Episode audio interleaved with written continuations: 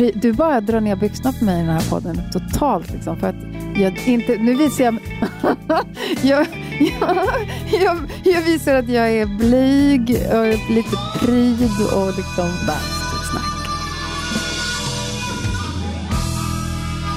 Hej och välkommen till 2018s första och lätt förkylda bastusnack. Vi är framme vid avsnitt nummer 31 i raden. Bastusnack är ju podden där jag, David Granditsky, sätter mig i bastun med en kompis och ser vart snacket leder. Idag har jag fått besök av Stjärnorna på slottet-aktuella Regina Lund. Men eh, innan vi kliver in i bastun vill jag passa på att nämna att Bastusnack även denna vecka sponsras av Tylö bastu. Det självklara valet för oss bastubadare. På tylö.se kan ni hitta alla varianter av bastutillbehör, bastuaggregat, ångbad och monteringsfärdiga basturum. De har till exempel en basturumsserie som heter Harmony. Harmony är njutningslösningen med maximal flexibilitet. Designa själv med Tylös bastukonfigurator. Planera din bastu utifrån dina egna behov och önskemål. Välj bland olika material, mixa och matcha. Möjligheterna är många med detta modulbaserade basturum. Med Tylös Harmony Busterum kommer man så nära skräddarsytt det går utan att behöva betala för det. Konfigureringen kan ske online och leveransen sker till dörren i platta paket. Harmonys modulbaserade konstruktion levereras med allting förberett för omedelbar montering. Elanslutningar finns, liksom ventilation och annan rördragning. Det gör att rummet kan monteras utan vare sig speciella verktyg eller förkunskaper och kan därför snabbt stå klart att användas. Eller du, om du redan har en bastu, köp ett par bastukiltar. Denna fantastiska uppfinning som gör att vi amatörer kan se sådär snajdiga ut med en handduk runt höften som inte faller av hela tiden. www.tylö.se är adressen. Surfa in där och se det fantastiska utbudet av bastuprodukter. Tack Tylö Bastu för att ni är med och sponsrar podden. Gå gärna in på Bastusnacks Facebook-sida också. Där lägger jag ut diverse extra material då och då. Och skriv gärna en recension av podden på iTunes om ni orkar. Och glöm inte att prenumerera på Bastusnack så att ni inte missar några avsnitt. Ni kan göra det på iTunes eller Spotify eller andra ställen där poddar finns. I dagens avsnitt har jag alltså besök av skådespelaren, gymnasten, sångerskan, performanceartisten och konstnären Regina Lund. Jag glömde säkert någon titel där också. Hon gör ju väldigt mycket saker. Innan vi börjar vill jag passa på att puffa för hennes konstutställning som pågår just nu på Galleri Ekvall Hörnblom på Hornsgatan 36 i Stockholm. Den pågår fram till den 24 januari så skynda er dit om ni inte har varit där än. Regina och jag har känt varandra länge och jag retar mig ibland på att den mediala bilden av henne kanske far iväg och målar upp en annan person än den hon faktiskt är. Men eh, det är kanske en bieffekt av alla olika roller och performance på som hon har haft genom åren. Jag kände ändå att vi fick till ett ganska avskalat och personligt snack. Döm själva. Vi går rakt över till bastun som denna vinterdag kunde bjuda på skridskoåkning utanför fönstret.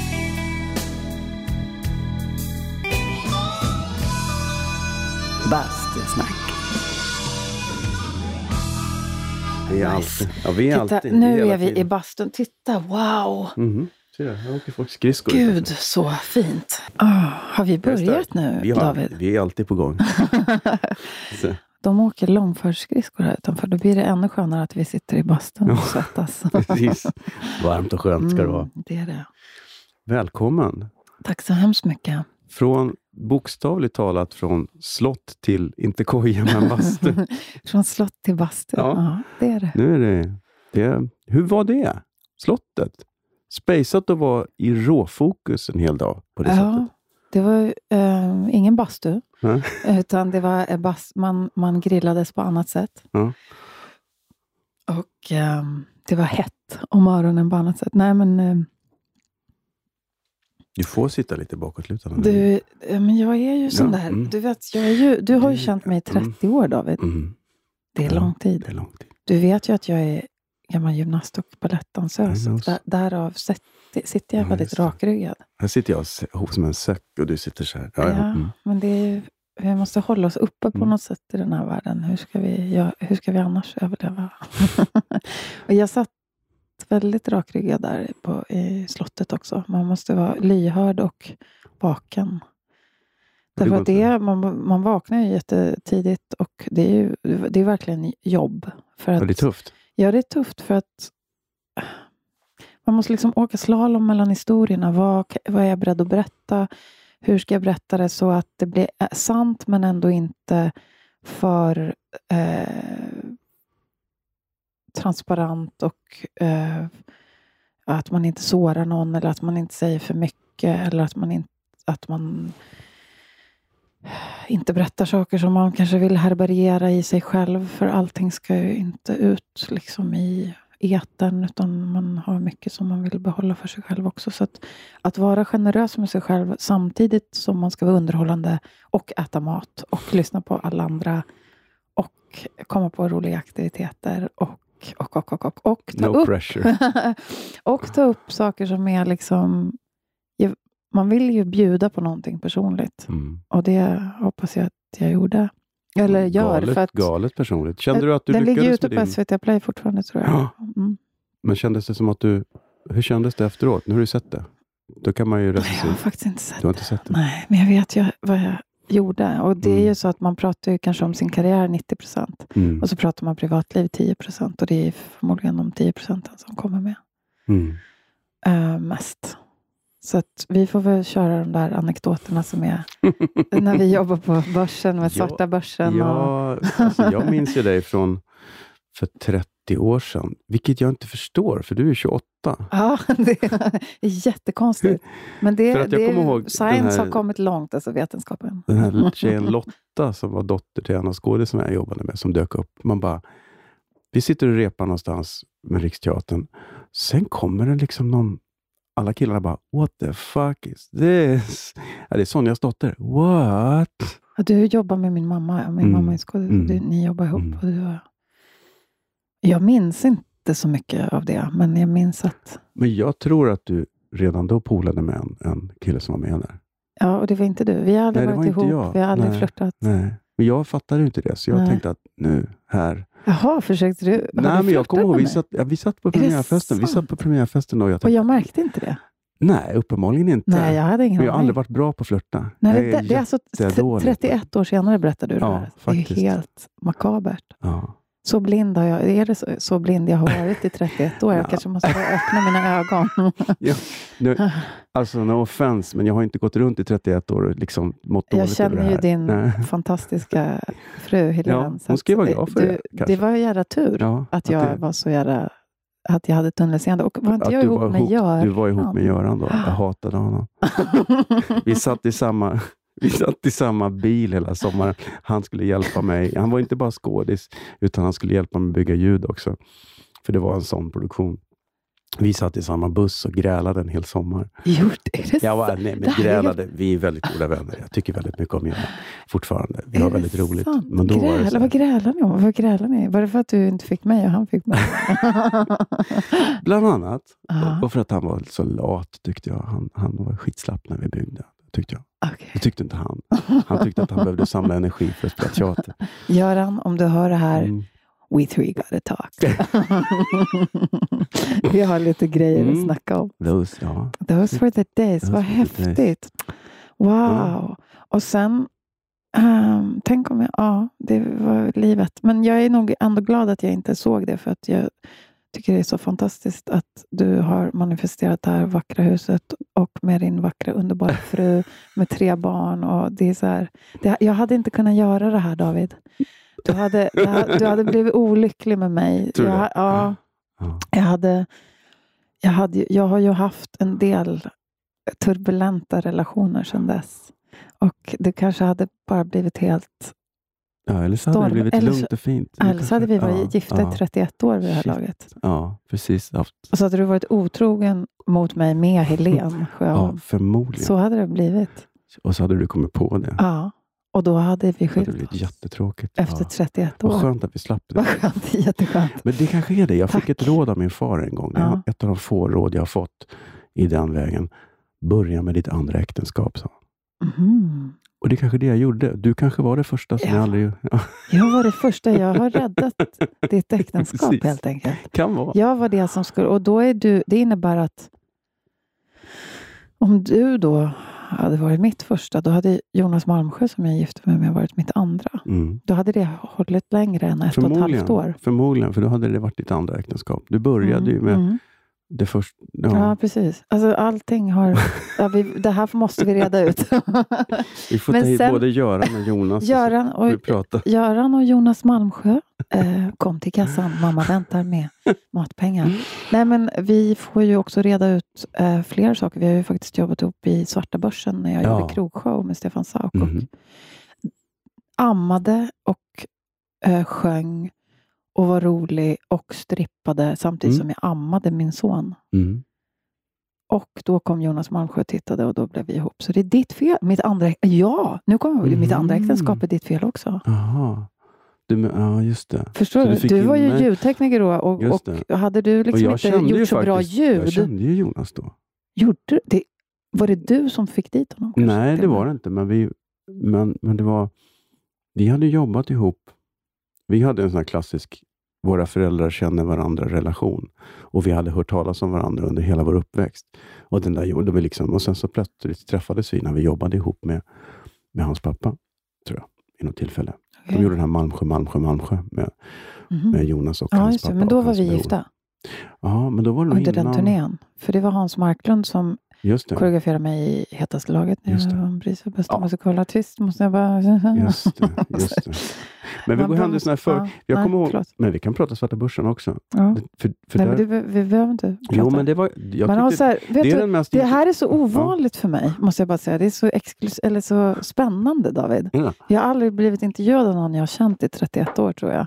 Och att man har haft en så här... Du har ändå liksom lyssnat på min röst när jag sjunger och varit liksom på andra sidan mixerbordet ganska mycket. Mhm. Och varit liksom behind the scene kind of guy mm. och satt mig på sätt av... Saker. Sätt, det är svårt så här. Och jag, för, för, när man har en mikrofon i facet, då mm. blir man direkt så här... Man blir promotion, alltså man ska, mm. man ska berätta om vad man har gjort och karriären och ba, ba, ba, ba, ba, ba, ba, ba. Mm. Och att koppla bort det, det tycker, jag måste liksom... Det sitter så djupt. Du ser, jag sitter rakryggad, så här, redo att berätta om nästa produktion. Och då känner Men man kan ju berätta om saker måste- som man, man kan vänta, inte Svarta bara- Börsen. Jag kom på en sån... Bastun måste liksom knocka mig lite först. Du gjorde Svarta Börsen Mm. med Stefan Sauk. Som är en jävligt karismatisk och skön person. Eh, ni är ganska olika. Eh, ja. Jag, jag minns... Älskar Stefan Ja, Sauk. men jag minns att han då, jag vet inte om det är så nu, eh, så var han helt inne på att det är jättebra för kroppen att dricka olivolja.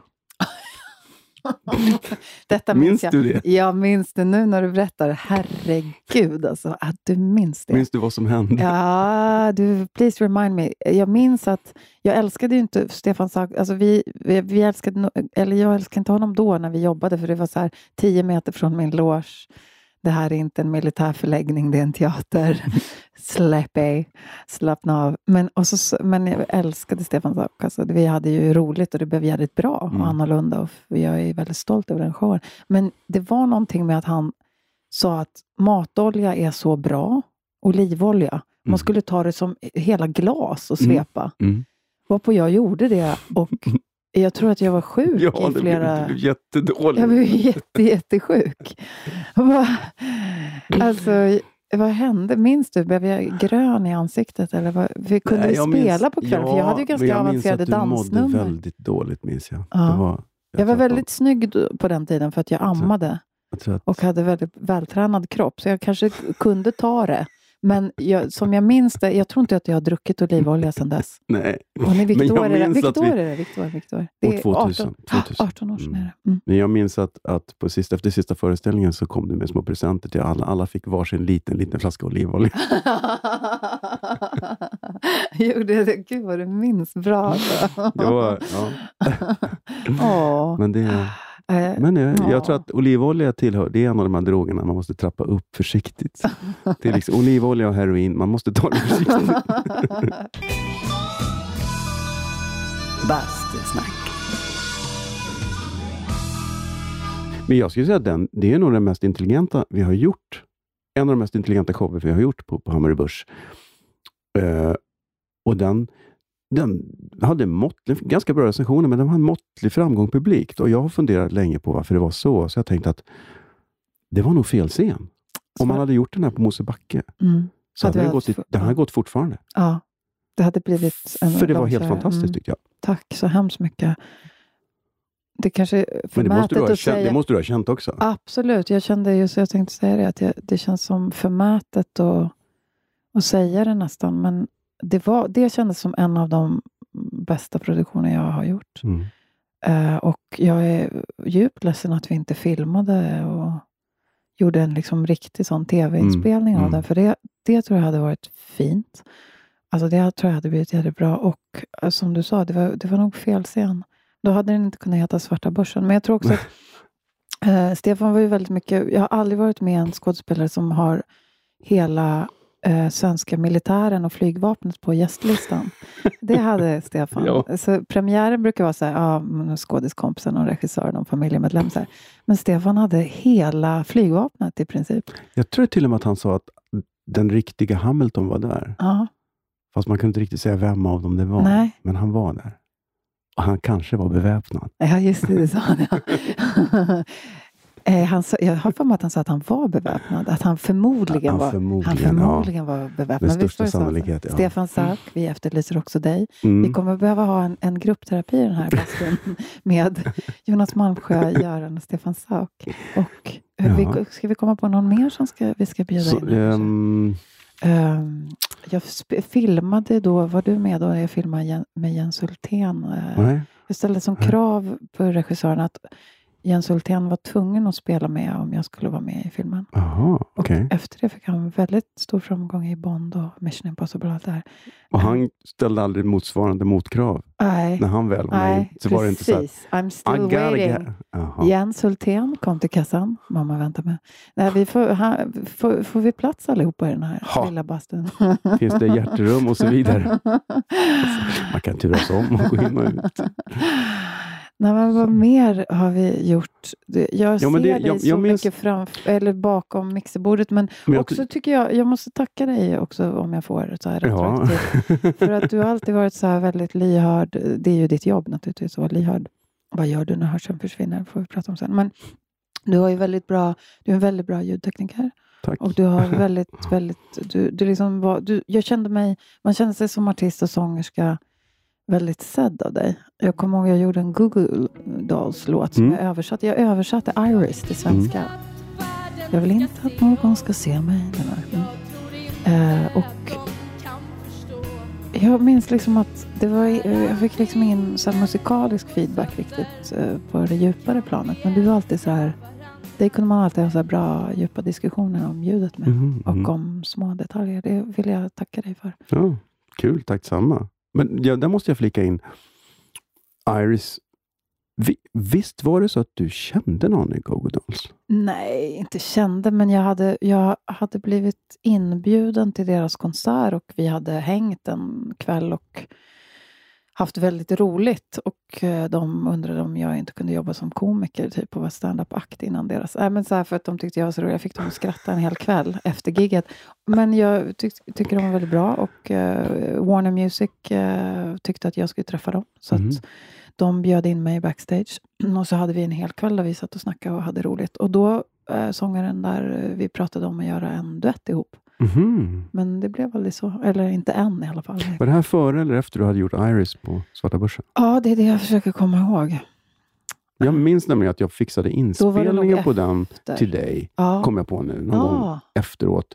för att de skulle lyssna på den. Ja, Ja, just det. det kommer jag också ihåg nu när du säger för du messade mig och sa, "Åh, har du den där inspelade? Ja, Ja, någonstans Då var har jag den. efter. Då Ja, var det efter. Så jag gjorde Iris först och sen, sen eh, tyckte de att... eh, jag tror att det var Warner Music som tyckte att Google Dolls skulle träffa den som faktiskt har Mhm. översatt Iris till svenska. Bastusnack. Det var på Jag Söder. bodde på Götgatan i 12 år. Ja, Mm. just det. Strykjärnet? Ja, ja, exakt. Varför vet jag det? För jag var aldrig där. Mm, var var du inte på någon...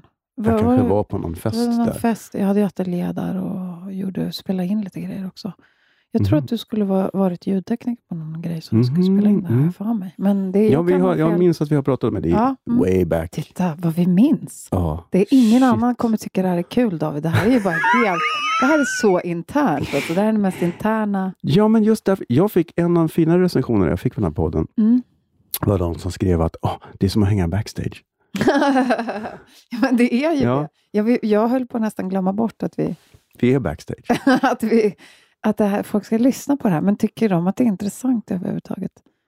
Ja, Att liksom- det, alltså, de som Ja, lyssnar gör ju det och, och tycker man inte det så kan man ju lyssna på en annan podd, Mm, ja, det är sant. tänker jag. Ja, det kan För man absolut. det här- Vi kan stänga av nu när jag ska berätta om ett badkar i köket och konstiga efterfester. Badkar i köket? Ja, jag hade det.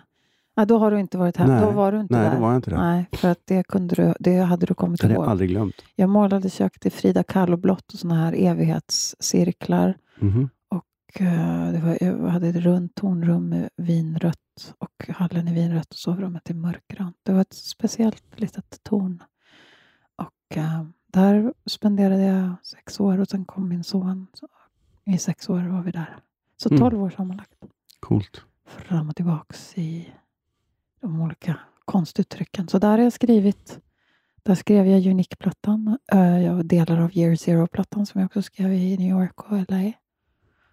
Um, och sen Everybody's Darling-plattorna. Ja, Mhm. det var ju ak- akt 1 och akt 2 skrev jag där också. Men där tänker jag på Unique. Mm. Det var första plattan. Ja. Som jag, plötsligt så gjorde du en platta och man tänkte, va? Har gjort en platta? Jaha. Och så lyssnade jag på den och blev jätteglad för att jag tyckte att den var, jag blev glad av den. Jag tyckte den var, jag, kom, jag tror att jag träffade dig och sa att, åh, man hör att du ler när du sjunger. För det var så, det var så fint tyckte jag. Ja, det Men- var du som sa det. Mm. Men det kommer du. Johan Norberg producerade den och det var en galen eh, bra musikanter på som spelade Ja, alla möjliga. Alla var fantastiska. Är fantastiska. Men hur landade du det giget, första plattan? Hur fick du...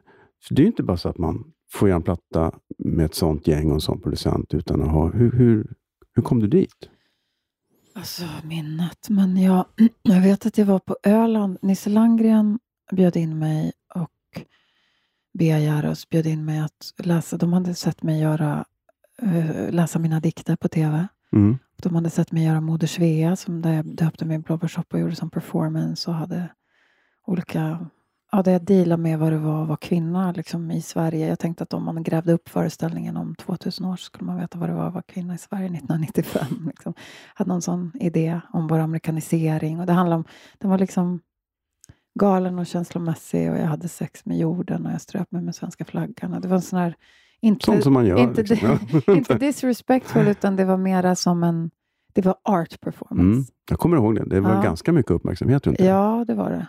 Men jag tror nu förstår folk det mer. Mm. Eh, där jag pratar om att Sverige är neutralt. Liksom, för att vi kastar in våra barn på dagis, våra gamla på ålderdomshem. Och alla som är aparta på psyket och sjukhuset och sen går vi alla omkring och är neutrala. Så jag skämtar mycket, eller liksom jag drev om det som var, är aktuellt nu också kanske. Men eh, jag tror inte folk förstod riktigt hur den här lilla semlan, bakelsen till blond bombnedslag, att hon stod och var liksom... Det här var ju pre-metoo och Mm. allt det där. Att Mm. jag, jag tror en recension i Svenska Dagbladet och skrev, och så pratar hon perfekt engelska också, bara en sån sak. så att det var så här, jag tror att det var för mycket att ta in, liksom att jag var ju väldigt ung då, väldigt explosiv på många sätt och Mm. vis. Så, eh, men vad skulle vi säga om det nu då? Vad skulle det leda till? Det här en Hur du fick sk- det här fantastiska skivkontraktet? Ja, det var ju helt underbart. Ehm, jag tror att det var många parametrar som spelade roll. Jag gjorde en demo. Jag och Johan Norberg klickade. Vi gjorde, tror jag, 17 låtar på två veckor eller någonting. Vi, vi, vi synkade direkt, för jag läste min dikt Pure på Öland. Uh, jag uppträdde på Öland med fantastiska Nisse Landgren och Bea Jaros och Johan Norberg. Och de är ju fantastiska alla tre. Mm. Och ehm, jag läste Pure och så backstage så sa jag en passant att det var en dröm att få, att få mina dikter tonsatta och vara med och göra melodier och skapa en platta. Att det var en dröm. För jag hade, jag hade en, en väldigt, jag var väldigt så målinriktad 90-talet. Jag bestämde mig Jag ska ge ut en soloplatta, spela huvudrollen i en film, sen får jag föda barn. Unique släpper jag 97. Skön, där jag spelar huvudrollen i en film, kommer 98. Och jag spelar in Kryger. Uh, sen kommer min son Viggo 99. Så jag, jag hade, Helt en väldigt, planen. ja, Mm. hade en väldigt klar målbild. Och eh, Så det, det försöker jag komma tillbaka till. Så jag var, väldigt, jag var väldigt säker på att jag ville göra det. Men osäker i som man är. Man har en sida som är väldigt så här, säker på sig själv. Och sen har man en sida som är väldigt så här, man tvivlar på sig själv och man tvivlar på sina, sin kapacitet och sin förmåga. Eh, så att jag gjorde den här demon och så vågade jag inte spela upp den för någon typ. Men så till slut så skickade jag runt den. Och Orup fick lyssna på den faktiskt. Och Mm. han skällde ut mig. Så den där måste du skicka in. Jag blir arg om du inte gör det. Och eh, flera lyssnade. Och helt plötsligt ville alla signa mig. Mhm. Eh, och ville ha den här första plattan. För att den var bra. Ja. Och jag spelade upp den anonymt. Och det sa jag också till Orup och till alla som gillade den. Så sa jag, du, får- ni får spela upp den och säga att det inte är jag. Mm. För jag var ju liksom väldigt, det fanns ju liksom, jag var ju väldigt känd och väldigt överallt jagad av allting liksom. Tv-tidningar, radio, Mm. scen. Jag var ju massive attack från alla håll liksom. Så då Mm. tänkte jag att nu skjuter de mig om jag dessutom gör liksom. Ja, för man Det får var- inte vara så i Sverige va? Nej men inte då. Det här var ju Nej. innan det fanns alla så här Ja. bloggar och, och Facebook och Insta. Det här var ju pre-everything. Mm. Liksom. När jag kom så var jag ju massive attack från alla håll. Ja, Mm, Du minns ju mm, liksom. mm. Det var, alla tittade på en sak. Jag menar, jag spelade in... Ja, så hur som helst så fick jag i alla fall skivkontraktet och alla gillade på det att jag var anonym. Och sen fick jag ett jättebra kontrakt och jag gjorde tre videos i Marocko, Paris och Sverige. Och, och det, det gick väldigt bra. Och sen så fick jag polisserien Aspiranterna lite samtidigt där och ehm, jag gjorde Year Zero-plattan. Mm. Och sen fick jag Spring i benen så ville jag göra Everybody's Darling som var lite mer rockig och punkig och lite hårdare men också mjukare. Den hade en, en mer... ehm, jag hade så mycket texter och jag Mm, hade så mm. lite tålamod att vänta och det var ju dumt. Så jag gjorde min mest korkade sak, apropå skämskudde, Mm. så hoppade jag av Warner-kontraktet. Mm. Och det skulle jag aldrig ha gjort, tycker jag själv, idag, långt, långt, långt, långt senare. Men eh, ja, det har ändå blivit typ 14 produktioner, men Ja. jag hade rent ekonomiskt så skulle det varit mycket bättre och trygghetsmässigt om jag hade kanske varit kvar på Warner och eh, samlat mig lite. Men jag hade spring i benen, jag hade tempo, jag hade mycket Men du- låtar i mig liksom. Så att, eh, mm, Men det var ju samma med det här filmeriet som du pratade om i, Mm. på slottet. Att du, Mm. står- du står i London och har i princip ett deal. New York som du, ja, New. York, Mm, ja, som, men som du sumpar för att du måste berätta att du ska döpa dig själv i blåbärssoppa. ja, Men jag, och, och jag, jag är så jävla korkad. Nja, jag vet inte. För det bevisar ju snarare att du är inte ka- karriärist, utan du är ju konstnär. Du går ju på magen. Eller dum i huvudet. Ja, det, det kan man ju, det är ju din tolkning. Men jag känner mer att du, du är en extrem magkänslemänniska som, som känner att nu måste jag göra det här. Ja, men borde du inte? Ja, fast jag måste göra det här. Mm. Och det är ju den, du, den delen som gör dig unik då. Om man ska lust, vara lustig göteborgare. Nej, men Nej, men jag förstår vad du menar. eh, det är inte bara en nackdel. Det kanske har varit en nackdel karriärmässigt. Mm. Nej, Men- inte men- karriärmässigt. Jag tror kanske konstnärligt så har Mm. det ju varit bra. Jag har ju fått ur mig det Mm. som jag ville få ur mig. Men livstekniskt har det inte varit bra för jag, kan inte ha, jag har inte ett sån här, sån här fin bastu som du har. Jag har inte ett fint hus. Jag, har inte, jag liksom, jag äger ingenting. Jag äger inte hus och bil. Och, Mm. Jag har inte manifesterat mig själv materiellt och skaffat mig trygghet. Utan jag har, friheten för mig har haft ett väldigt högt pris. Men, Så jag har väl, jag har väl liksom gjort, skapat mina grejer men inte... men vad har Eh, hänt ja, nu då? För att jag känner att, att du, du, Eller vad du, du, sista åren så har man inte sett så himla mycket av det på film och, och teater och så. Eh, och då tänker jag, är folk rädda för dig? Tror de att du är något som du inte är?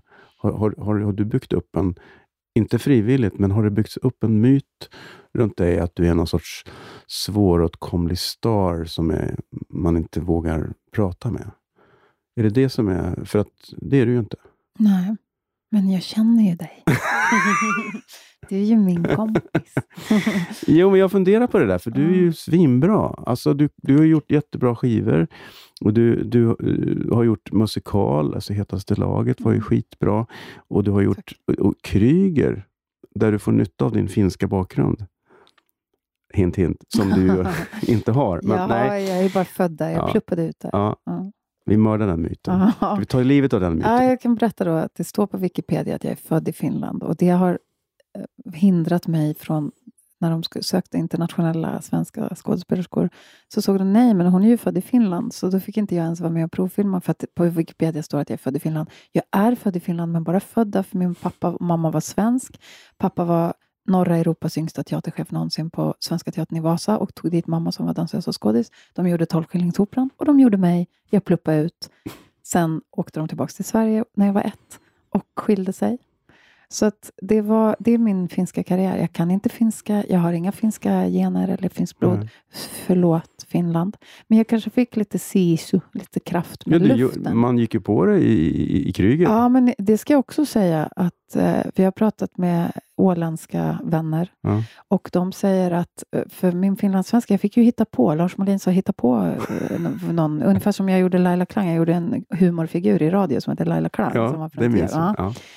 Och eh, hon var ju, hittade jag ju på, jag bara improviserar fritt, vilket jag tycker personligen att jag är bäst på när jag får göra det. Och eh, han sa hitta på bara, det behöver inte stämma. Så jag, jag kunde ju finlandssvenska. Ja. Men jag, eh, Tuula som jag spelade pratade inte riktigt finlandssvenska, hon pratade någon lite annan sort. Mm. Och det tror jag finnarna, liksom, jag tror inte de gick på det, men svenskarna, jag vet Gick inte. Mm. Och, eh, min åländska vän sa att eh, det inte var hundra. Han var inte imponerad. men eh, ja, men det är ju länge sedan. Men är det så att man, inte, att man liksom tappar roller för att man är från Finland? Nej, men alltså du, om jag är regissör och ska googla efter svenska skådespelare, så om det då står på Wikipedia att här är en finsk skådespelare som är Mm. född i Vasa i Finland, Mm. Mm. då tänker jag automatiskt, jaha, de pratar finska, det är inte svenska, det är en annan Ja, ja. sort. Mm. Ja, då, då går den bort och så fort, fortgår man. Konkurrensen är ju hård i detta yrke, as Mm. you know. Mm. Så för, saker och ting går ju fort. Men det är inte, jag gråter inte över spilld mjölk, utan jag går vidare och uh, spiller ny mjölk Mm. på andra platser. Jag dricker inte mjölk för övrigt. Koslem. Jag dricker havremjölk om jag dricker något. Men det här förstår inte jag. Havremjölk, det är någon sorts surrogat, ja lite i kaffet, men jag känner så här, antingen dricker man mjölk eller så dricker man inte mjölk. Havremjölk är för mig så här, but why? Det är jättegod chokladmjölk och havremjölk är jätte, jättegod. Aha. Har du inte provat den? Nej, Prova den. ja. Så, så choklad, men jag dricker inte gång. chokladmjölk ändå. Jag liksom kaffe eller... Nej, jag tycker det är alltid så roligt när det skapas surrogat, när man gör vegetariska su- surrogat som ska efterlikna kött så mycket som det bara går. Till slut så känner man, kan vi inte bara äta kött? Nej. Nu finns det och för sig ideologiska och, och Ja.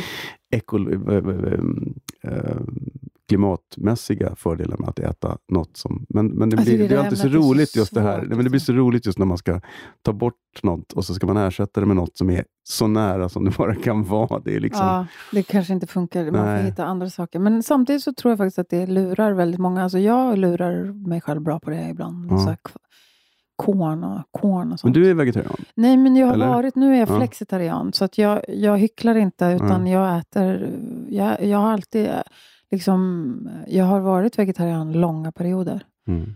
Precis som jag har valt att vara utan alkohol långa perioder i flera Mm. år. Min son till exempel har aldrig sett mig full under de 18 år han har levt. Vi har aldrig haft alkohol hemma när han har bott med mig. Liksom.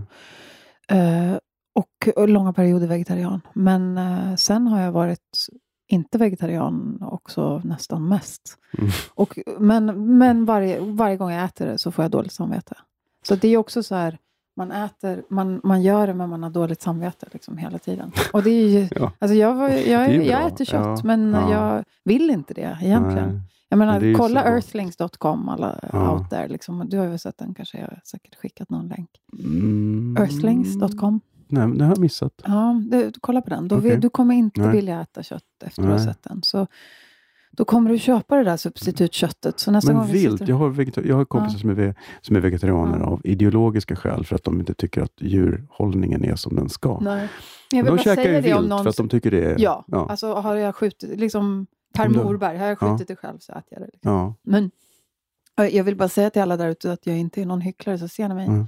Sitta och äta kött, så jag är inte vegetarian. Däremot så har jag liksom promotat som om jag är det. Mm. För att jag håller på med yoga och nu har jag gått ner 15 kilo självmant och på egen, med Men- egen kraft och allt det här. Liksom, och, och då tror jag att jag vill vara vegetarian, så jag vill ju helst att alla är Mm. vegetarianer, men jag erkänner att jag inte klarar av att vara det just nu. Bastusnack. Men alkoholen där, har du, haft, har du någonsin känt en rädsla för att, att landa i samma träsk som din pappa gjorde? Nej, men alltså, pappa landade ju kanske inte i träsket mer än att han var känslig. Mm. Ja, min rädsla har ju bestått i att jag har avstått. Jag, jag är ju extremt sparad, det vet ju du. Mm. du. Ehm, ja, jag kan nog liksom samla ihop mina ehm, fyllor och, och komma ihåg dem Mm, faktiskt. mm. Så att, eh, jag har ju aldrig... Jag, min rädsla för att... Ja, pappa betraktade det som alkoholism, men jag såg det mer som att han var väldigt alltså han var överkänslig. Mm. Och på slutet så drack han ju för mycket. Och han hade ju sockersjuka också, så Mm. det blev eh, dålig kombination. very bad combo. Ja. Och han älskade socker. Socker, alkohol Mm. och sockersjuka. Och sen hittade jag honom, eller de hittade honom med blod i lungorna i snön liggandes. Och då Mm. flög jag hem från Göteborg och där jag stod på scenen. Och var två dygn på MIVA med honom på upp- återupplivningen. Och när han vaknade, det här är en bild av hur min pappa var, så vaknade han och så öppnar han blicken och så tittar han på mig och säger När har du premiär? Ja, Mm. om en vecka. Åk och repetera. Åk till teatern, var inte här. Liksom. Det är det första han säger när han har varit Jag känner igen det livlös. där, det Ja. viktigaste av allt. Ja. Ja. Så att eh, jag kanske, ja, jag har hållit mig väldigt Mm. renlevnads... Eh, jag är ju väldigt lättpåverkad, det. Mm. så jag behöver inte så mycket. Och jag får dåligt samvete, precis som när jag äter Mm. kött, så får Mm. jag dåligt samvete varje gång jag dricker. Men det är väl sunt? Då, Ja, då, då har man en det att du har en naturlig... spärr. Liksom, Det är- ja, oh, ja, det ja. har jag. Men däremot så kan jag, om jag har eh, stressat och inte ätit och så är jag tanklös och så dricker man någonting. Så, ja. Men sist jag gjorde en podd och pratade om alkohol, då stod det Regina Lund har börjat dricka igen. Stod det i någon sån här, Det var, eh, jädra, vad heter han? Eh, oh, han får också komma hit i bastun, ska vi svettas ut. Vad heter han? Birro? Jaha, Han, ja. det jag gjorde en podd med honom Ja, och, ja. Och då ville de väl ha något löp för att folk skulle eh, liksom, lyssna på podden. Och då blev det det enda de kunde, det fanns inget liksom, skandalöst att ta på med mig. Så då tog de att, då tog de att jag hade börjat dricka igen för att jag sa att när, när jag, jag har haft cancer och jag blev frisk och när jag blev frisk så sa en kompis, ja men kom igen, för jag var så renlevnads. Mm. Och det vet ju alla, Linus Stenström, Göran Gillinger, äh, Linus, Stenström, Linus Wahlgren och Göran Gillinger tyckte ju att jag var så himla tråkig på Mm. turnén när vi var ute med Johannes Brost och allihopa. Att jag var så tråkig för att jag, jag och Lasse Brandeby inte drack. Så att, åh, du var mycket roligare när du drack. Och då Mm, låter det som att man har mm. druckit. Du vet. Ja. Och så då står det, nu har hon börjat dricka igen. Det var så här, bara för att jag tar ett glas vin eh, liksom, numera eh, och inte är absolutist. Jag har varit så här antingen eller-människa och det är jag inte nu. Jag tror att jag var så här all in or all out. Det kanske jag är fortfarande förresten. Jag vet inte. Jag försöker inte vara det. Så här, antingen ingenting eller allt. Lagom är inte din grej. Nej, men jag, jag, längt, jag jobbar på det. Jag, Ja. jag, jobbar på att bli lagom så Ja. småningom. Det är ju ett av de mest populära orden i världen, läste jag. Att Är det så? ja, det är ett inneord. Jag läste i någon, eh, om det var Herald Tribune eller något sånt, lagom. Lagom. Var liksom ett coolt ord. För det Ja, men om du hade varit lagom så hade du inte varit den du är. Mm. Är ju, du är ju det, är ju det som är, har gjort att du är den du är. Hela full out. Man, man, man döper sig inte i blåbärssoppa om man är lagom. Men nu, det är länge sedan. Kan vi, Ja, vi ska sluta du- tjata om det. Förlåt. sluta tjata om... Du Det var- har ju, det var du har därför du tagit fick med blåbär Ja, jag vet. Det i där- bastun. Exakt. Jag tänkte att jag undrar hur lång tid det tar innan hon nämner blåbär. Tack Vad skönt. mycket. Nu, där ramlade polletten ner. Precis. nu, nu äter vi blåbär. Radiobaletten presenterar Precis. En mun som tuggar blåbär. Bastusnack. Men du, jag tog med Mm. någonting som inte du vet. Eh, jag, nu handlar det om mig, vad egopodd det blev. Nej, men vad, Eh, kan det inte jag vara har- egopodd? Det är så skönt har- att du pratar så mycket. Jag har nästan jobbat med din pappa. Jag, eh, jag kan Är visa dig ett, tid, ett tidningsklipp här, så vi, ser, vi får skanna det här tidningsklippet Åh, och lägga det på nej. Facebook-sidan. Jag gjorde en audition för din pappa. Det här måste vara Ja. 18 nu. Ja, det här är en, Mm. någon sorts tidningsklipp. Jag gjorde en audition med din pappa när jag var 14 år gammal. Är det sant? Mm. Nej. Men- Jag fick den inte. Nå. Men pappa var väldigt hård. Man skulle vara väldigt verk... Det skulle vara på riktigt, annars fick det vara. Var det så? Ja, gud, jag har träffat jättemånga skådisar som han har dissat. Jag har blivit skådis trots att min pappa var regissör och mamma skådis. Alltså, pappa har ju... Här ska du se. Nej, men, Här är en bild på mig och din pappa i tidningen när vi gör audition. Nej men wow! Åh, där är pappa. Mm. Åh! Åh, vad fint. Åh! Nej men jag gud fick vad gulligt. inte. Jag vet inte vem som fick det, men Nej, men, jag fick den inte. Det är det enda som betyder något. Ja. Men där är en bild på oss tillsammans. Men du, det pappa lite så... Titta vad fint. Åh, Mm. den här vill jag...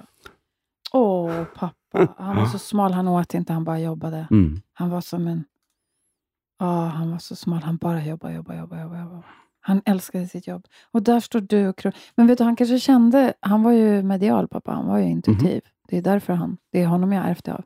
Så han var ju extremt intuitiv. Han kanske såg framför sig och kände att du... Här är en ljudtekniker. Honom ska vi inte hindra nej. karriären. Nej, just det. Gode Gud, låt honom inte lyckas på scen. Ja. Exakt. Det var väl tur? Eller? Jag har ingen aning. Jag, blev jätte... jag kommer ihåg att jag trodde att jag var ganska säker på att jag skulle få det, för jag hade spelat några barnroller förut. Ja, Så att jag kommer ihåg att jag tog det rätt hårt. Men gjorde du eh? Ja, jag, jag tror att jag var en sån här klassisk att jag nästan fick det. Jag var bland de här som det diskuterades och sen så fick jag det inte. Åh, vad Så det var- fint. Men tack för att du har sparat Ja. det. Men vet du att jag tror att eh, jag kan trösta dig med att eh, det är många namnkunniga som har eh, slaktats av min pappas intuition. Alltså, Han var väldigt så här hård. Jag säger inte att du inte var...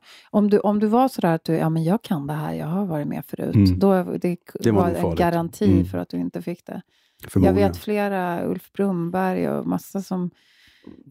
Ja, pappa tyckte inte det var realistiskt nog, eller det var inte Mm. äkta nog, eller det var inte sant nog. Han var väldigt mycket så här in i alltings essens. Mm. Och det är så synd att hans...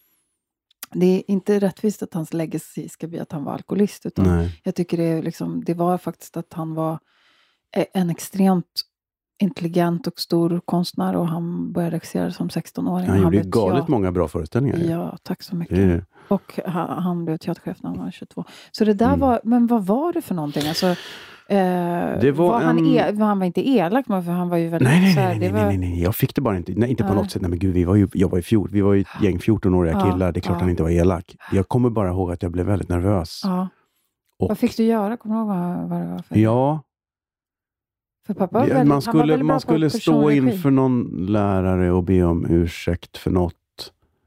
Nej, jag, jag, jag minns inte riktigt. Men du, var det film?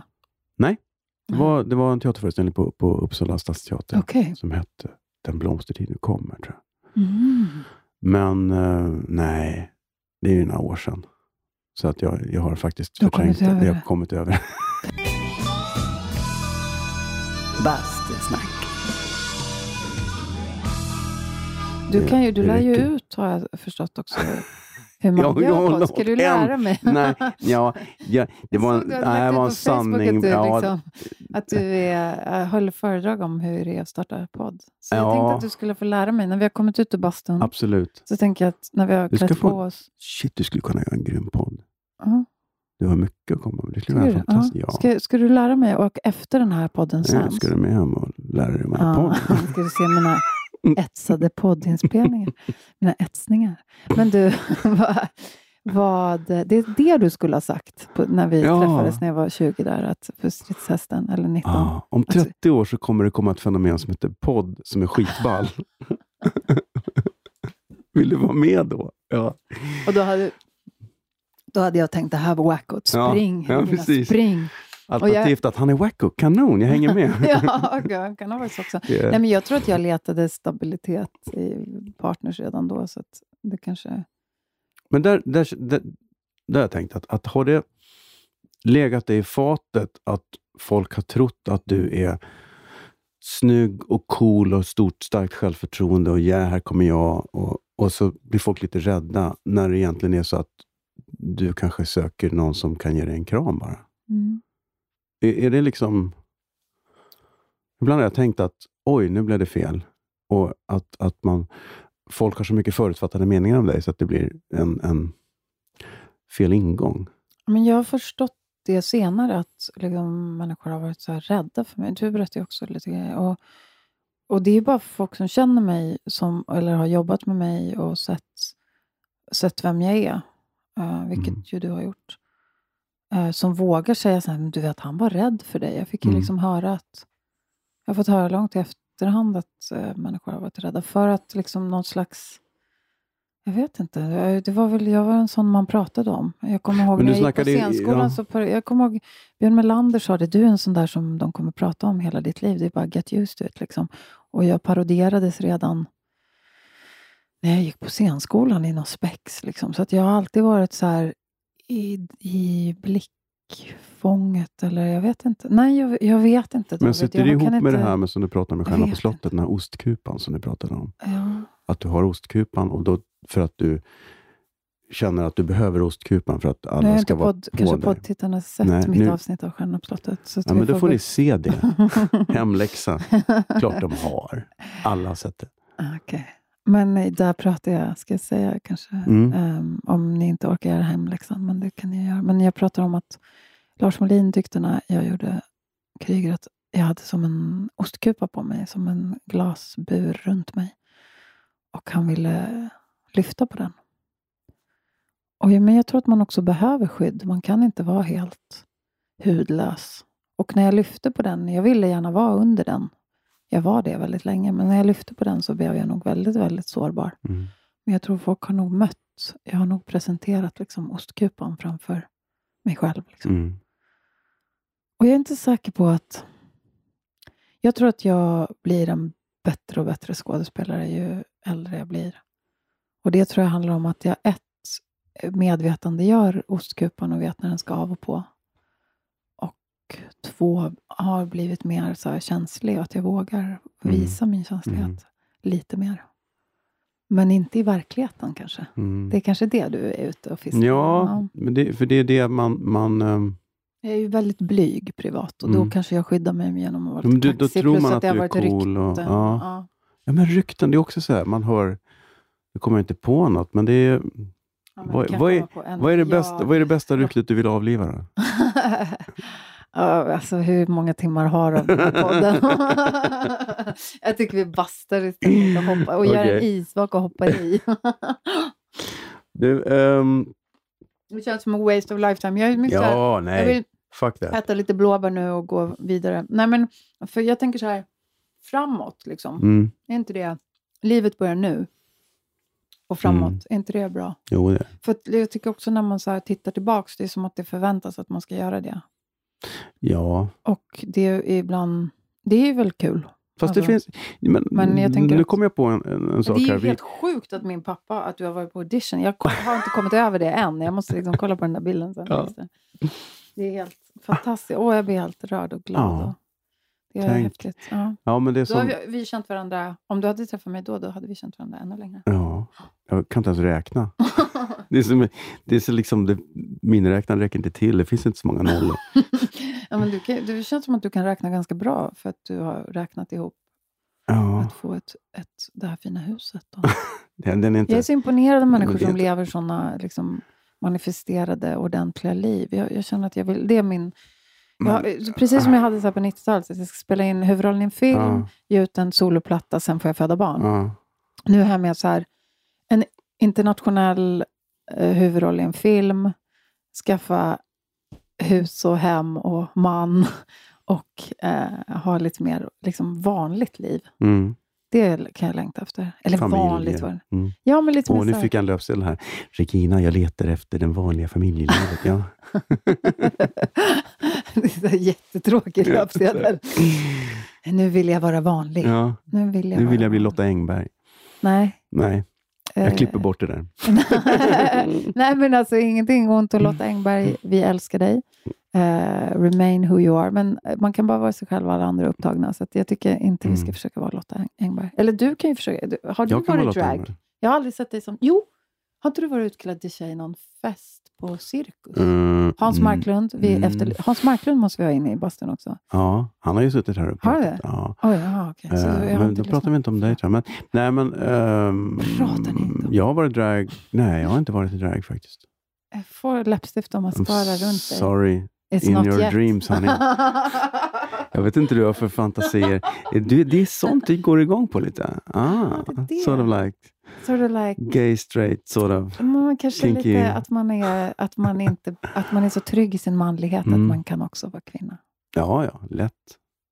Absolut. Att man vet liksom bara- vem man är och Det blir man står. lyteskomik bara. Ja, det blir Ja. ofrivillig humor kanske. Ja. Varför ser jag det framför mig? Vad kan Jag det vara för något? Du kanske helt enkelt bara har träffat min syster. Nej. jag tänker att, jag tänker att, du, att, att det kanske är en framtidsvision. Ja, Helt plötsligt okej. ser du någon sån här Ja, grej. men nu när After Dark har lagt ner. Jag menar, det är bara raka av det skägget David. Ja, Ja, eller och så det ut funkar på ju. så här Conchita. Wurst, vad heter hon? Conchita Mm, Wurst. Conchita Ja. Wurst. Mm. Nu kör vi. Det har blivit dags för Skämskudden. Herregud vad pinsamt. Skämskudden. Nej, inte den där gamla demon. Du, du, vill inte titta bakåt, men jag tänker tvinga dig att titta bakåt. Mm. Jag har ju ett, ett, ett inslag som heter jag Skämskudden. sitter- jag sitter ju här och svettas. Ja, Mm. precis. Skämskudden, har du någon skämskudde? Du har väl aldrig gjort något har hur skäms? mycket. Hur många som helst. Jag kan ha kuddkrig här. Eller bulla upp med kuddar och bara kasta oss. Mm. Nej, men... Eh, jag ska ta en liten kontroversiell skämskudde faktiskt. Och det kanske kommer att såra många. Eh, eftersom typ hela Sverige tittade på det här. Och det är faktiskt Rederiet. För att jag, jag mådde... Jag, jag, jag var inte tillfreds med att göra Rederiet. Jag mådde jättedåligt. Jag nästan kräktes efter tagningarna. För att jag var så här... Då spelade jag liksom Ofelia i Hamlet. Jag ville göra tung dramatik. Jag hade fått jättebra recensioner just som Ofelia i Hamlet och jag tänkte att jag skulle stå på scen och göra så här tunga roller och det skulle bli så, det skulle vara så seriöst och storslaget och djupt. Och så får jag Rederiet. Och det var ju jätteskönt och tryggt. Det var månadslön, det var SVT. Jag fattade inte vilken stor genomslagskraft det hade. Och jag tyckte kanske manus var sådär. Och ljussättningen var typ, ja men det var typ så här porrfilmsljussättning. Och jag, esteten i mig hade, alltså det här kanske låter förmätet eftersom det är så, alltså det är så känsligt att säga det eftersom så många, jag tog inte upp det i Stjärnorna på slottet heller. För jag tänkte att det är som att liksom spotta i ansiktet på svenska folket och det vill jag inte göra på de som har älskat Rederiet och sett det och alla som har varit med och så. Det var ju en plantskola också för många skådisar. Och försörjning som jag är tacksam över. Jag är tacksam över den försörjning jag hade.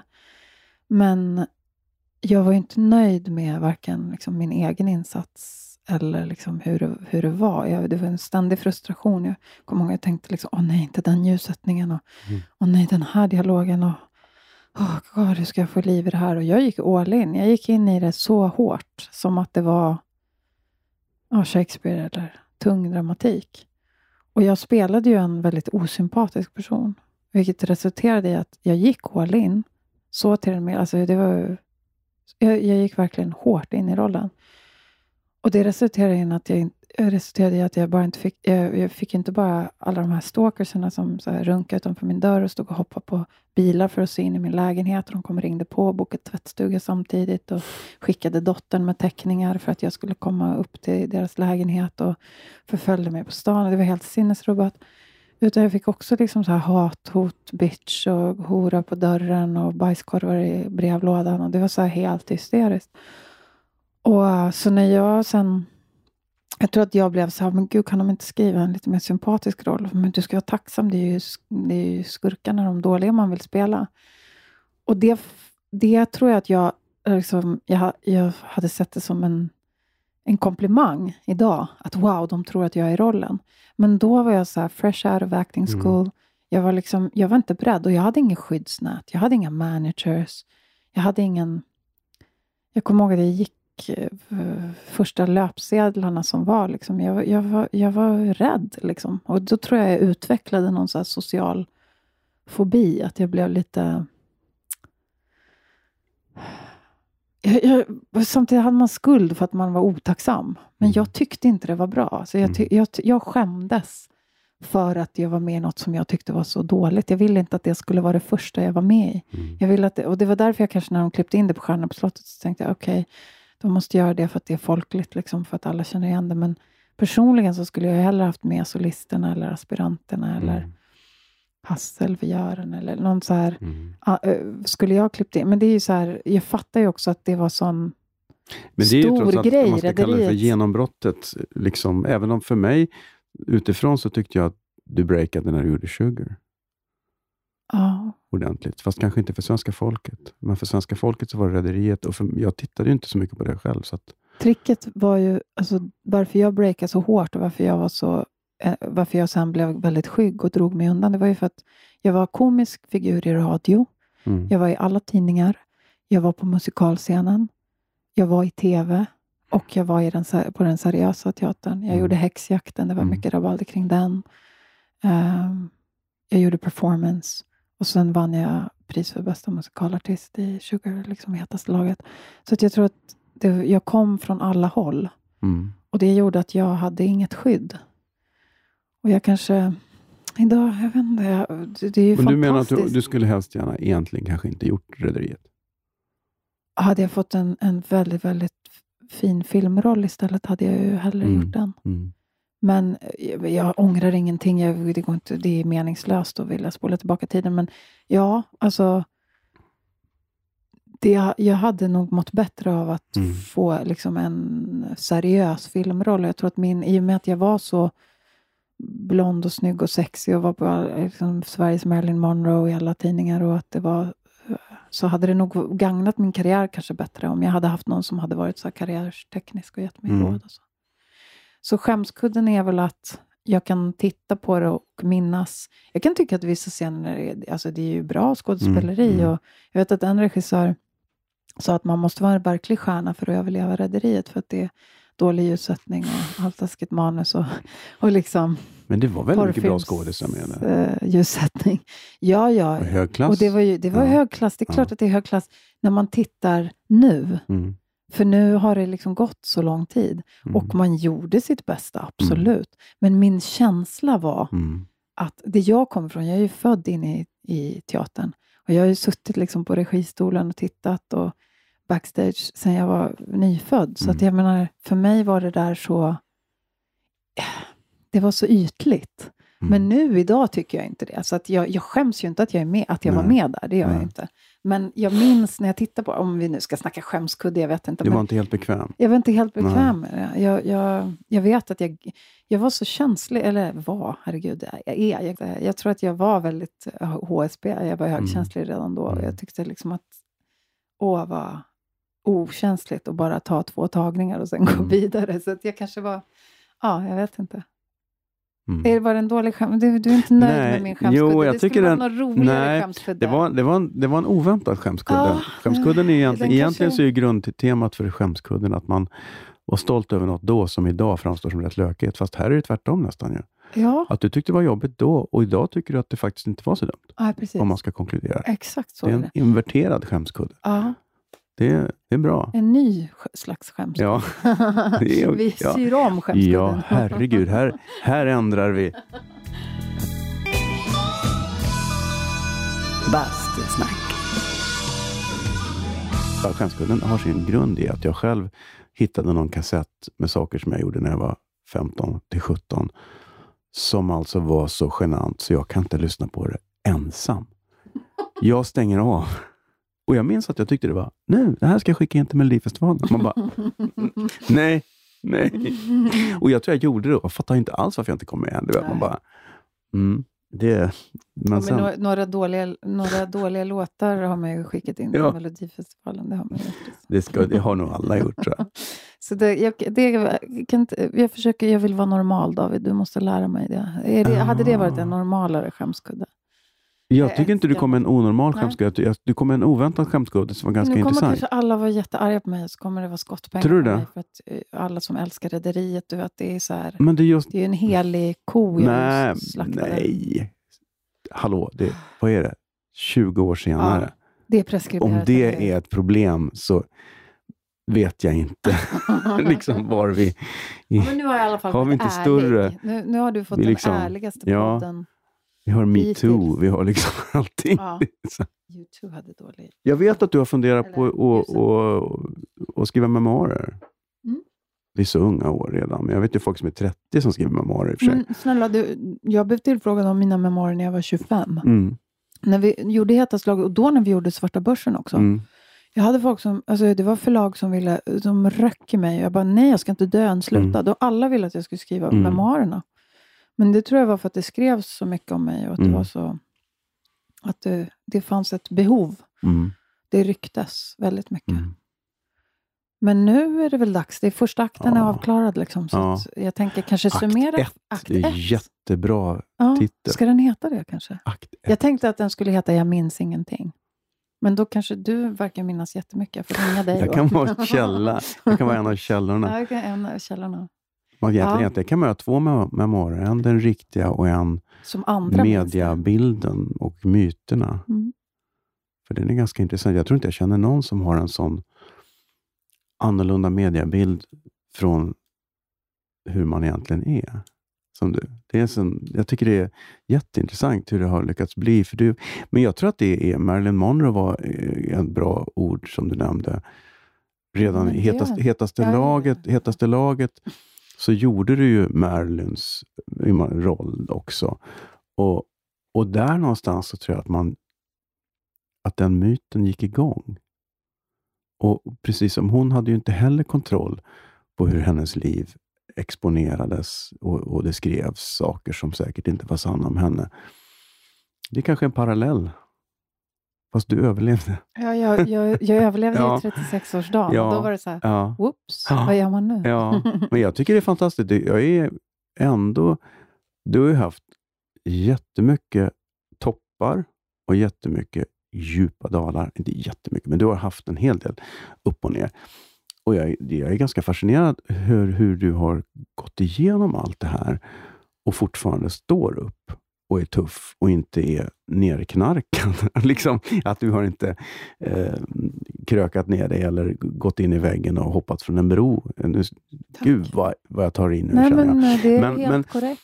David. För att du har fattat. Eh, fan vad stark du är ändå. Men har det, i, kommer det ifrån att du tvingades bli stark när du var liten? För att du inte hade något val? Jag vet inte. Det får vi analysera när vi skriver Ja. biografin. Jag försöker... Jag har svårt att analysera mig själv, David. Vi får ta hit Penna Roskin också. Ja, men jag, vill inte, jag vill inte bli analyserad. Nej, det vill inte bli analyserad. Men gärna, alltså, eller vill jag det kanske? Eller jag ty, I så fall med samtycke. Inte, jag gillar inte när folk analyserar en utan en samtycke. Men, nej, jag- nej, samtalsterapi. Ja, nej, usch vad jobbigt. Nej, men det orkar jag inte. Men, men eh, jag vill bara get on with it. Liksom. Men Ja. jag, jag tror att ändå... ehm, jag vill inte blame allt på barndomen. Jag tror att... Nej, jag menar, Det är också jag säger tidens- inte blame, jag säger mm, att det kanske är en styrka. Mm. Att utan det så hade du inte haft styrkan. För att du står upp tack vare att du har fått du fick en del smällar tidigt och Mm. det kanske gör att du står upp. Ja, Det som inte dödar härdar, som de Ja. säger. nej men du, du har rätt. Det är klart att jag fattade vid två och ett halvt års ålder när jag, mina föräldrar lämnade mig på en helt ny plats jag aldrig hade varit på. Så klart att, och jag blev kvar där, så är det klart att då går det igång en överlevnads Mm.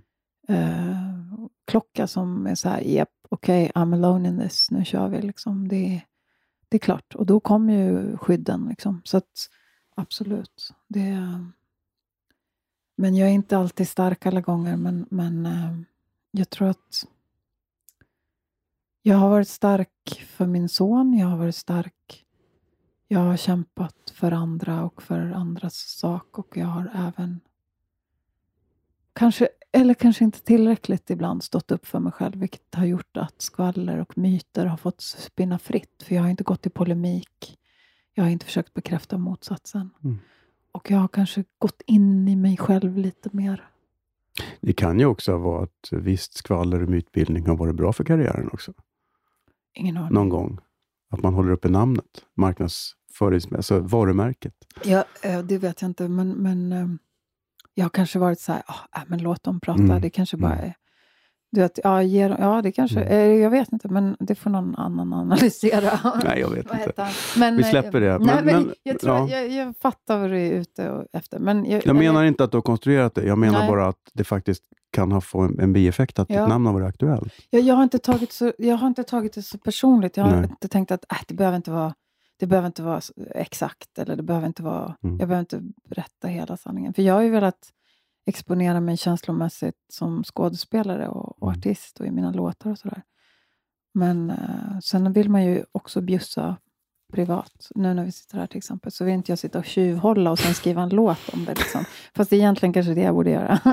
Men vad vill det- du göra nu? Alltså, jag Jag känner, jag saknar... det. Jo, jag Jag vill ha en internationell Ja. eh, filmroll. Jag vill ha filmroller. Jag älskar att filma. Jag vill ha bra, välskrivna filmroller. Dela inte. Ja. Jag känner mig outnyttjad som skådespelerska. Jag känner att det är nu, eller jag känner att jag har väldigt mycket att ge där. Jag tycker att jag blir en bättre skådespelerska med åren. Jag Mm. har blivit. Jag vill göra mer eh, intressanta, mångsidiga roller. Mm. Jag känner att jag börjar bli stark nu när jag börjar så träna och jag är frisk och allt det där. Så nu känner jag, nu känner jag mig Mm. redo. Och jag vill göra fler plattor. Mm. Ja, Jag känner att jag jobbar med fler fantastiska musiker. Jag vill jobba med intressanta regissörer, intressanta skådespelare Mm. och bra ljudtekniker. Musikal då? ja, varför inte? Alltså, eh, det skulle vara kul att göra en show, en egen show. Mm. Mm. Jag Det är vill skriva klart- Det är klart självbiografi. du ska göra det. Ja. Ja. Och jag vill eh, ha självbiografi och egen show. Och så skulle jag jättegärna vilja ha ett hus vid havet. Och Ja, skriva det- böcker. Ja. Men du Och är... regissera. Men det är längre fram. Jag har för Ja, mycket spring i benen. Ja, men du har ju många grejer på gång och det är kul. Men du kan göra det, gör som Springsteen, han skrev ju en självbiografi som han nu gör som show. Jag var och tittade på den, måste jag flika in. Vi var Ja, i New York och så. om det. Biljetterna kostar 40 000. och han Ja, om man inte hade fått, ja, om man inte hade någon. På svarta börsen kostar den 40 000, men jag fick den för eh, utgång, så jag hade sånt fantastiskt tur att jag fick två biljetter eh, till face value, som det heter. Nej, men han spelar på en liten teater, 950 platser. Eh, så liten så att han kunde gå från micken och sjunga a cappella. Så Du vet. Mm, Men han byggde den på sin, han bygger den på sin bok, på sitt liv. skitbra. Och han säger att eh, jag har skrivit låtar om industriarbetare hela mitt liv, men jag har aldrig varit i en fabrik. Jag har aldrig haft ett, Mm. ett eh, jobb som jag går till fem dagar i veckan. Mm. Utom nu. Och jag hatar det. Men, det kan, men jag, jag känner att det, det kan du göra. Du kan skriva boken och sen kan du göra showen som grundar sig på boken. Mm. Sen kan du göra filmen som grundar sig på showen Mm. som grundar sig på boken Mm. och så vidare. Mm. Och musikalen som grundar sig på... Och eh, parfymen. Jag skulle vilja Parfym. göra parfym. ja. Jag skulle vilja göra kläder och Ja. designa lite. Hur skulle du lukta då? Eh, Jag som, vet exakt, ja, men det tänker jag inte avslöja. Jag håller som Jan på- Malmsjö? Nej. jag vill att jag berättar den historien. Ja. jag vet vilken du tänker på. Men det är faktiskt sant, jag håller på att Ja. skapa en parfym. Är det så? Ja. Wow. Eh, jag, har, jag har skapat eh, sex stycken parfymer och en, en klädlinje som heter Frihet för tio år Mhm. sedan. Men eh, det, livet tog sig andra vägar och jag släppte aldrig ut det. Och jag hade patent på Frihet i nästan fem år Mhm. på namnet och varumärket och allting. Men jag var inte så business-minded och plockade inte upp det. Jag hade idén, men jag hade ingen bra partner som jag kunde eh, resa på den resan med. Men nu tror jag att jag har hittat rätt businessfolk att jobba med. Mm. Så att jag kommer eh, ge ut en parfym och en, eh, eh, sen följa upp det med lite andra saker. Mm. Så jag håller faktiskt på att jobba fram den. Kul! Så jag kommer Ja. kunna säga inom en snar Ah. framtid vad den doftar. Jag har alltid varit väldigt doftintresserad. Aha. Det har varit en passion i livet. Jag har väldigt bra doftsinne. Mm. Inte så bra hörsel. du doftar gott, det är Ja, lugnt. tack, tack, tack. Jag är väldigt doft, eh, doftkänslig. Jag kan dofta, väl, jag är som en hund nästan. Surr, ja. Mm. Och det är kul. Men ehm, så det är ett mål som jag har. Mm. Att, eh, jag har ju haft mitt företag Regina Lund AB sedan 1994. Mm. Och det är jag lite stolt över att jag har kunnat bibehålla, fast att livet har varit turbulent och gått upp och ner. Bastusnack. Är du cool med dina ex? Ja, det är alla utom ett. Mm. Men jag jobbar på att det, den ettan ska bli en nolla. Så att Mm. alla jag har varit ihop Mm. med är jag kompis med. Ja, jag är kompis med dem, jag vet inte om de är kompis med mig. Men eh, jag har ingen oplockad gås med Nej. någon faktiskt. Nej. Eh, sen kanske man inte umgås med alla jättemycket, men, men jo, men några har jag jättebra relation Ja, det med. blir inte kärvt om ni träffas på T-banan. sådär. Nej, nej, Nej. nej, nej, ingen. Nej, ver- verkligen Mm. inte. Snarare tvärtom. Mm. Jag, jag älskar alla jag har älskat fortfarande. Alltså, kärlek är kärlek. Mm, Det mm. finns ingen ex-kärlek, tycker jag. Utan älskar man någon så älskar man någon och då finns de kvar i hjärtat. Vi är, hjärtat är tillräckligt stort. Mm. Det finns plats för många. Mm. Och jag tror att man älskar så många du kan under din livstid och eh, försök, alltså tipset är att hålla vänskapen. För att man gillade ju varandra av en orsak in the first place. Mm. Så att, att behålla den, om man inte bara har sårat varandra för mycket så tror jag att man är cool. Liksom. Sen har de säkert krossat några hjärtan och jag har fått mitt hjärta krossat men that's the way life goes. Ja, Vad ska vi göra åt det? Liksom?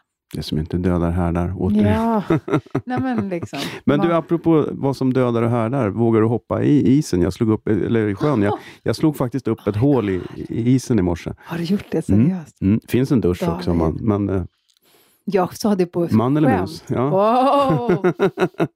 Oj, oj, Du går ju all in. Ja, ja, okej, jag gör det. Ja, skönt. Yes. Men du får inte filma det. Nej, nej. Oh, har vi? Det går ju folk där på andra sidan och kommer de...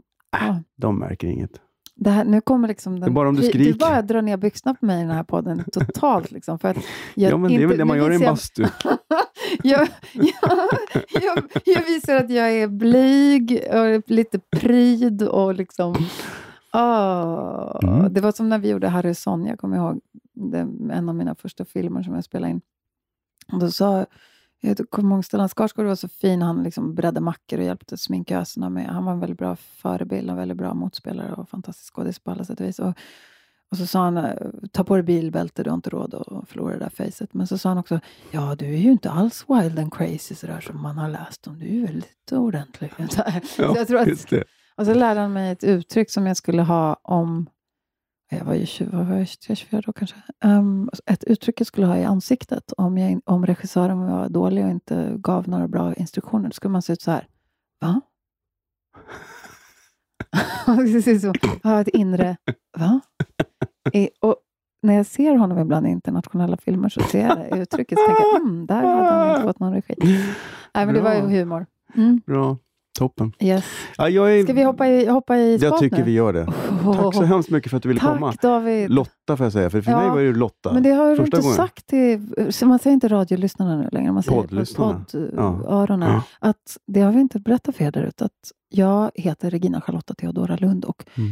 första halvan av mitt liv hette jag Lotta, för Mm. att det var vad jag kallades Lotta Lund. Sen när jag kom in på scenskolan i Göteborg när jag var 21, så tyckte jag, för jag tyckte att Regina lät som en spis från Huskvarna, vilket jag också är, och så betyder det drottning på latin. Mm. Och jag tyckte inte alls att jag kunde leva upp till det. Och min mamma ville att jag skulle heta Lotta, så jag levde upp till min Mm. mammas önskningar till jag var 21. Och sen när jag var 21 på scenskolan, då bytte jag till Regina. Och för att jag gick på scenskolan med folk med väldigt fina efternamn. Och då tänkte jag, Lotta Ah. Lund kommer ju inte få något jobb. Jag tänkte, jag kommer inte få några jobb. Nej, men Regina som- Lund, hon kommer få Mm. jobb, tänkte jag. Så jag började se mig själv som liksom en performance i tredje person. Liksom.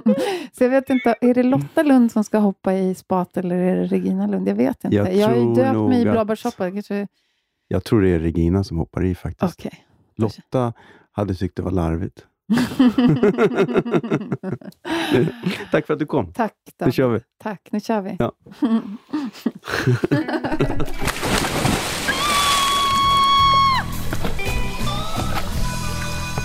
Bastusnack. Tack Regina. Efter att vi skilts åt så fick jag ett sms från henne där hon ville berätta att det var Helene Wigren på Warner som tog henne backstage för att möta Google Dolls för ett eventuellt samarbete. Så nu vet vi det. Tack Helene. Och eh, besök som sagt Reginas utställning på Galleri Ekvall Törnblom på Hornsgatan 38 i Stockholm. Skynda er på, den lägger ner snart, den 24 i sista dagen. Blir ni sugna på en bastu av allt snack? Gå då in på tylö.se och kolla in deras utbud av bastuprodukter. Visste ni att det finns en värmetålig högtalare som man kan montera in i sin bastu? Då kan ni lyssna på bastusnack i bastun. Det är ju nästan som att vara med själv. Och köp en bastumössa också, en svinbra idé. Man doppar den i kallt vatten innan man tar på den i bastun och då blir man inte så överhettad om huvudet när man sitter högt upp. Det är en bra grej. Det finns fler bra grejer på tylö.se. Surfa in där nu när podden ändå är slut. Ni har en vecka på er innan nästa avsnitt kommer så ni kan i lugn och ro planera ert basturum. Med Thyle Harmonys basturum så kommer man så nära skräddarsytt det går utan att behöva betala för det. Konfigureringen kan ske online och leveransen sker till dörren i platta paket. Harmonys modulbaserade konstruktion levereras med allt förberett för omedelbar montering. Elanslutningar finns liksom ventilation och rördragning. Det gör att rummet kan monteras utan speciella verktyg eller förkunskaper och kan därför snabbt stå klart att användas. Så beställ ett nu vet jag. Vi hörs igen om en vecka eller så med en ny spännande gäst. Basta försiktigt!